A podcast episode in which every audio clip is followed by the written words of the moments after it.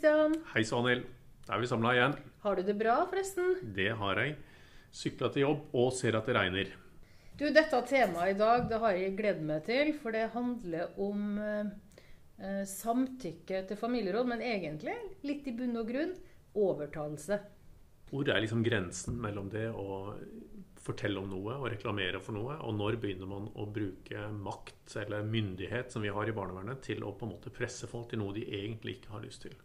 Og litt sånn på privaten kan du kjenne, som har ungdommer, at du kan gå litt sånn langt i å prøve ulike teknikker for å overtale de? Det er klart man gjør det. Og så må man velge når er det man sier absolutter, og når er det man eh, på en måte inviterer til at de skal bli med. Og kanskje er litt av taktikken min å si at jeg skal vinne med å spørre mange ganger. Altså tålmodighet er en god egenskap for å være foreldre og få viljen sin sånn noenlunde igjennom. Mm. Ja, nei, akkurat Når det gjelder det temaet her, så kjenner jeg jo at jeg har kanskje litt, eh, om man kan si, svin på skogen. For jeg tror eh, kanskje min mann vil eh, si at jeg er en racer til å gjennomføre ting som han ikke har lyst til. På ganske utvalgte områder, da. Kan du nevne et eksempel på noe du har prosjekt på nå? Altså, ja, det siste er jo da at jeg mener det vil være veldig sunt også for han å ha ei hytte. Og bruke liksom fritida si sånn som Norges befolkning gjør, da. Ute i skog og mark. Han syns ikke det er en veldig god idé, så han har egentlig bare satt beina sine på den hyttetomta én gang. Og om seks uker så er hytta mi klar. Hytta di er klar, og ja. hytta hans er klar. Men han har vært der én gang ja. og vet snaut hvor han ligger, altså. Ja, men vi håper på at han kommer til å eh, innse at det er til hans beste.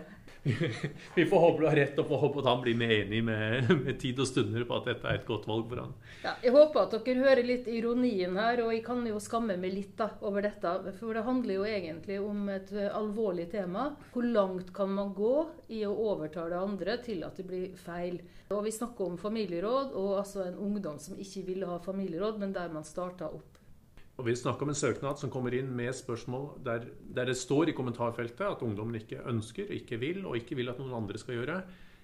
Men det er også en del av hele problematikken at han ikke vil noe som helst. Han sitter hjemme og gjør veldig lite, og vil egentlig ingenting.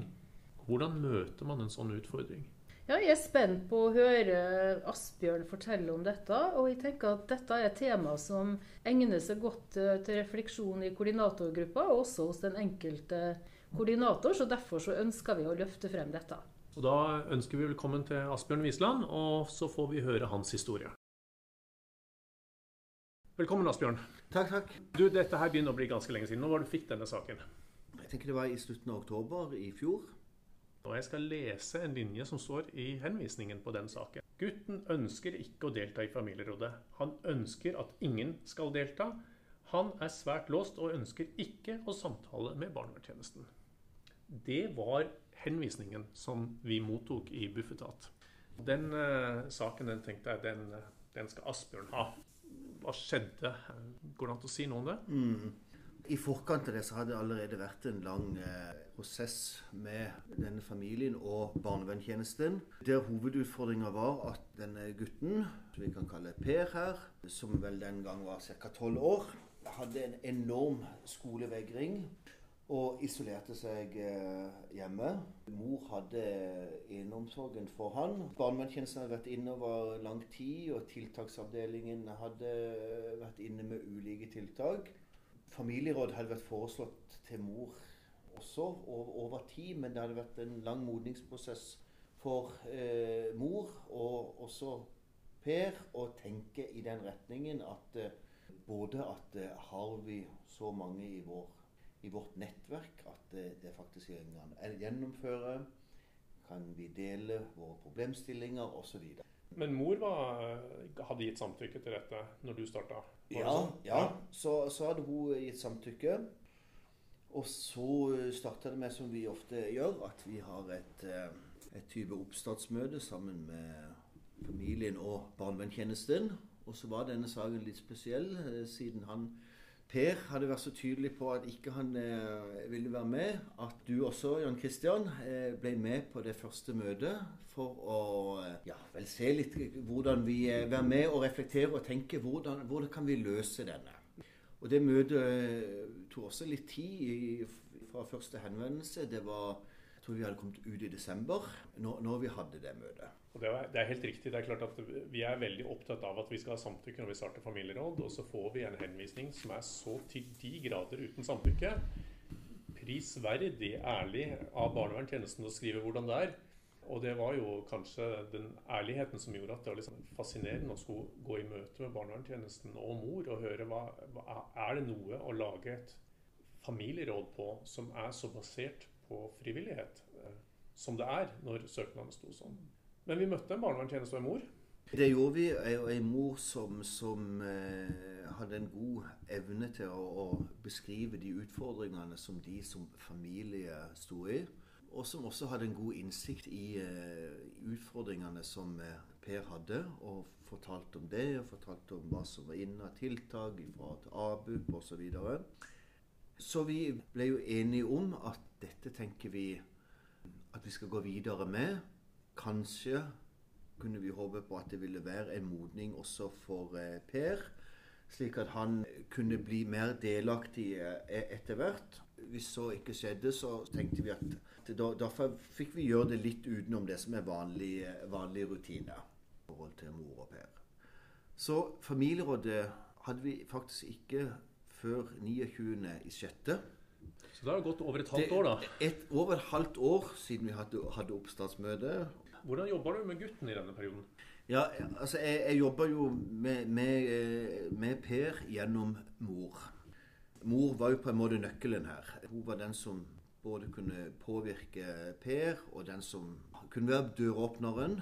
Problemstillinga som hun hadde fortalt om, gjaldt jo hele familien, eh, eller, eller hele familiesammensetningen og hennes eh, opplevelse av at omsorgsoppgaven var for stor. Så, så alt eh, gjennom henne Jeg viste eh, etter beste evne mye forståelse, empati for at eh, ting svingte såpass mye for henne som det gjorde, og at i, i perioder så kunne hun ikke tenke seg et familieråd til at hun i perioder kunne, kunne tenke. Og så prøvde jeg å trygge henne både på metoden og at hun sånn sett ble litt kjent med meg gjennom de telefonsamtalene vi hadde, til hun til slutt da sa at hun var klar for det, kanskje seks uker før, før dette, altså i, i begynnelsen av mai blir det. Mm.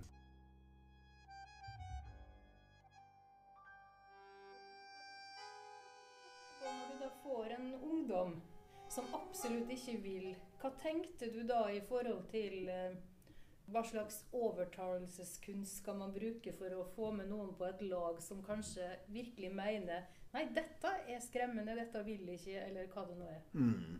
Så tror jeg et utgangspunkt i at dette var en ungdom som hadde så store utfordringer at han hadde vært i arbeidssystemet over tid, og at eh, det hadde vært mye tiltak rundt han, og at han hadde droppa ut av skole, og at han hadde mye angst for det ukjente, på en måte.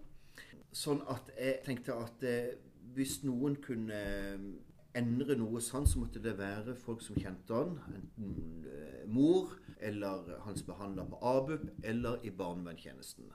Han hadde, Det kom tidlig fram at han hadde en veldig god relasjon til, til vedkommende fra barnevernstjenesten som som var inne med tiltak, og som hadde fulgt han en lang periode. Sånn at jeg eh, egentlig veldig lite mot direkte mot Per. For jeg tenkte det er nok mennesker inne rundt han. Mm.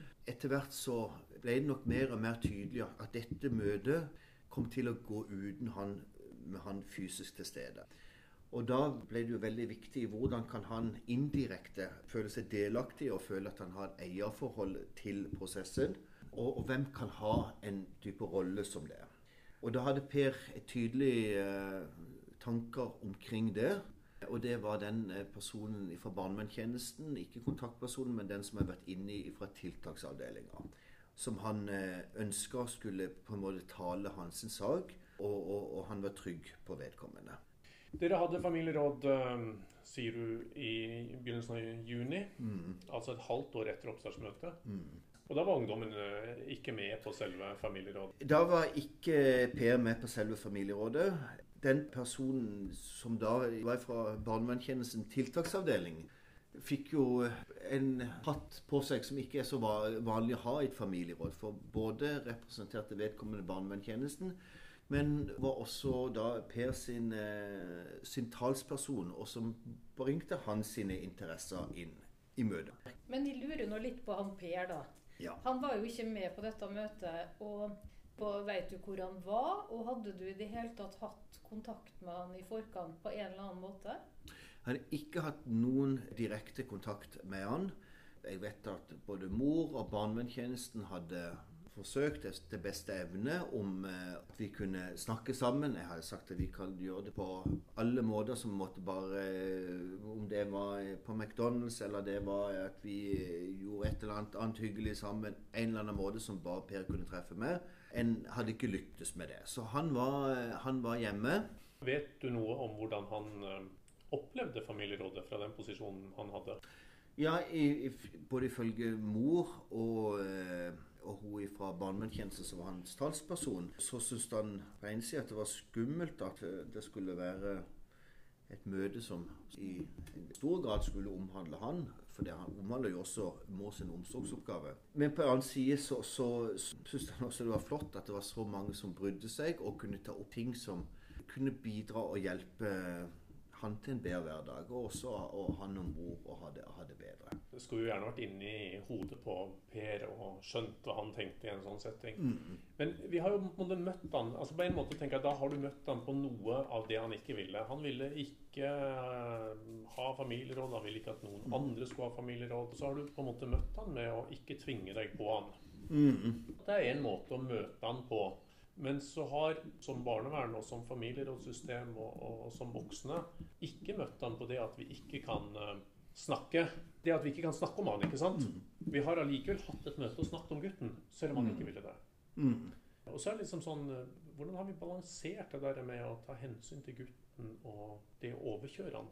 Hvordan eh, kan vi hjelpe Per med å bryte isolasjonen? Som jeg sa tidligere, han hadde droppet ut av skolen, har ikke vært på skolen på mange måneder, og isolert seg i veldig stor grad hjemme. Eh, så hvordan kan vi hjelpe Per med å bryte isolasjonen og komme tilbake til den gode hverdagen igjen? Det var eh, et spørsmål kan vi finne en fast fritidsaktivitet som Per kan bli interessert i å mestre, og hvem kan følge opp dette?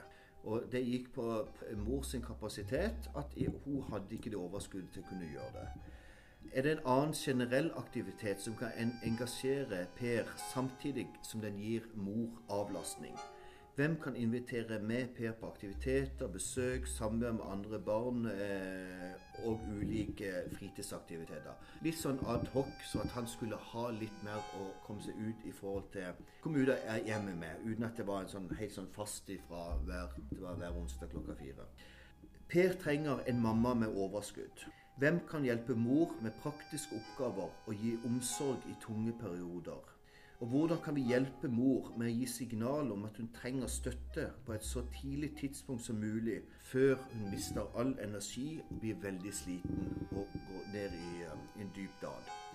Hvem kan Per bo hos midlertidig, uke, måneder, dersom han ikke kan bo hjemme? Hvem kan mor ringe til i situasjoner hvor Per utagerer psykisk eller fysisk? Hvem kan komme umiddelbart når ting er akutt? Kanskje kan disse få veiledning i hvordan de på best mulig måte kan ivareta Per i disse situasjonene for å få roa ned. Så det var jo et, et stort sprang her i, i spørsmålene og som familierådet eh, skulle søke å løse. Det er dramatiske spørsmål. Veldig dramatiske spørsmål. Det er, det er noen måneder siden du har hatt dette første familierådet. Eh, hva er det som har skjedd eh, etter det? Ja, vi, vi hadde oppfølgende familieråd nå eh, rett før skolestart i august. For å, å, å, da kunne spisse enda inn mer mot det som, eh, som handla om skole, og hvordan nettverket kunne bidra til at han forhåpentligvis begynne, han skulle da begynne på ungdomsskolen. Skolen hadde gjort mye i forkant, han hadde mye sånn bekjentdager osv. Det hadde ikke vært noen akutte eh, episoder som noen trengte å, å hjem og bidra med noe. Flere hadde vært med på, på, ting av de mer adhoc fritidsaktivitetene, som å kjøre gokart, og morfar hadde med motorsykkelturer osv.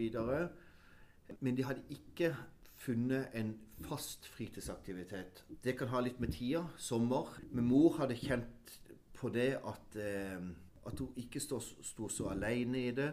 At det var et nettverk rundt som visste, som, kunne, som spurte hvordan går det, videre. Hun hadde klart å si ifra når hun kjente at hun var på vei ned, og fått hjelp og støtte i forhold til det. Etter første møte eh, vi hadde i juni, eh, så når møtet var ferdig, så var mor helt tydelig på at dette hadde vært et så godt møte. Hun var så takknemlig. Og, og det samme hadde hun, hadde hun med inn i dette møtet. At hele prosessen rundt de som familie gjorde de mindre sårbare. Var, var Per med på familieråd nummer to? Nei. Når blir han med? Kanskje alle gode ting er tre. Det skal være oppfølgende i, i slutten av oktober. Kanskje vil da Per eh, være med. Det er det et fokus på, både i forhold til barnevernstjenesten og med, med hun som fortsatt er inne, og også i forhold til, til mor. Og jeg tenker også det at den at han ser at det kommer, kommer, gode ting ut av dette, både direkte mot seg sjøl, med at ting er mer oppmerksom på han i forhold til fritidsaktiviteter, og at for mor, så vil det kanskje forhåpentligvis senke terskelen for at uh, en kan få et innpass. Mm. Men jeg tenker dette er en begynnelse på en lengre prosess, der en nok vil ja, ha familierådprosessen i en god tid framover. Mm. Men uh, Betyr det at du fortsatt ikke har sett denne gutten? Det er kun sett ham på bildet. Kun sett ham på bildet. Han så ut som en veldig god gutt. Så der har vi altså et familieråd som uh, vi starter uten samtykke. Vi jobber, Du har jobba i ti måneder snart uten i det hele tatt å ha truffet gutten. Og allikevel så opplever du at uh, både mor og barnevernstjeneste og din egen vurdering er at uh, dette er riktig og en god måte å jobbe på. Absolutt.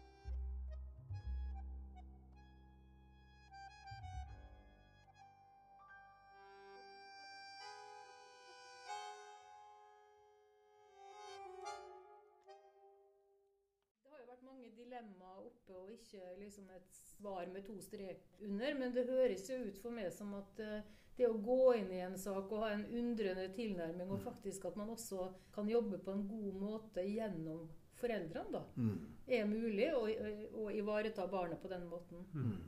Jeg er jo litt inhabil, for jeg var jo med på å starte saken. Jeg var med på å si at vi skulle gå videre med en sak, selv, selv med det utgangspunktet som vi hadde. Og det var vel det utgangspunktet som gjorde at han kom til meg også. Men jeg tenker det er noen sånne gode ting her. Det er å ha brukt veldig lang tid. Og så er det samarbeida med en barnevernstjeneste som høres ut til å ha veldig god kontakt med gutten og jobber godt med gutten. Og har den. Så jobbes det kontinuerlig med å få gutten til å delta. Så han er, kanskje trekkes litt mer inn i saken over tid. Men kanskje den, at det da roes så ned at det liksom er lov til å bruke lang tid på å få han med, er en av de tingene som er som er viktig. Så på en måte så tenker jeg ja, jeg, jeg, er glad vi prøvde. Jeg er glad vi prøver. Og så er på en måte ikke svaret avgjort, for saken er jo ikke ferdig. Nei, og jeg tenker saken er fortsatt saken er i prosess. Fra at det var en eh, familie som sto veldig alene, så er det nå et stort nettverk av en eh, tolv eh, mennesker som vil de vel, og som har fått ulike roller i et maskineri rundt de, og fullt av velvilje. Og så, så langt virker det. Per er ikke med ennå omsorgssituasjonen for han er med stor sannsynlighet bedre, og det er en større trygghet. Og Samtidig som jeg kan sitte og si dette, så er det klart at de sakene der vi ikke jobber med samtykke, så skal vi være utrolig oppmerksom på at det ikke blir et overtramp. For det er klart at her er grensen fra å jobbe for noe vi selv tror på, og jobbe for gutten, til å få et overtramp der vi går for langt i å bruke mm. det, Den er jo selvfølgelig til stede. Mm. Men da får vi ta og diskutere det og se og kjenne og prøve å finne balansen som gjør at vi oppdager når vi kommer til den grensen der.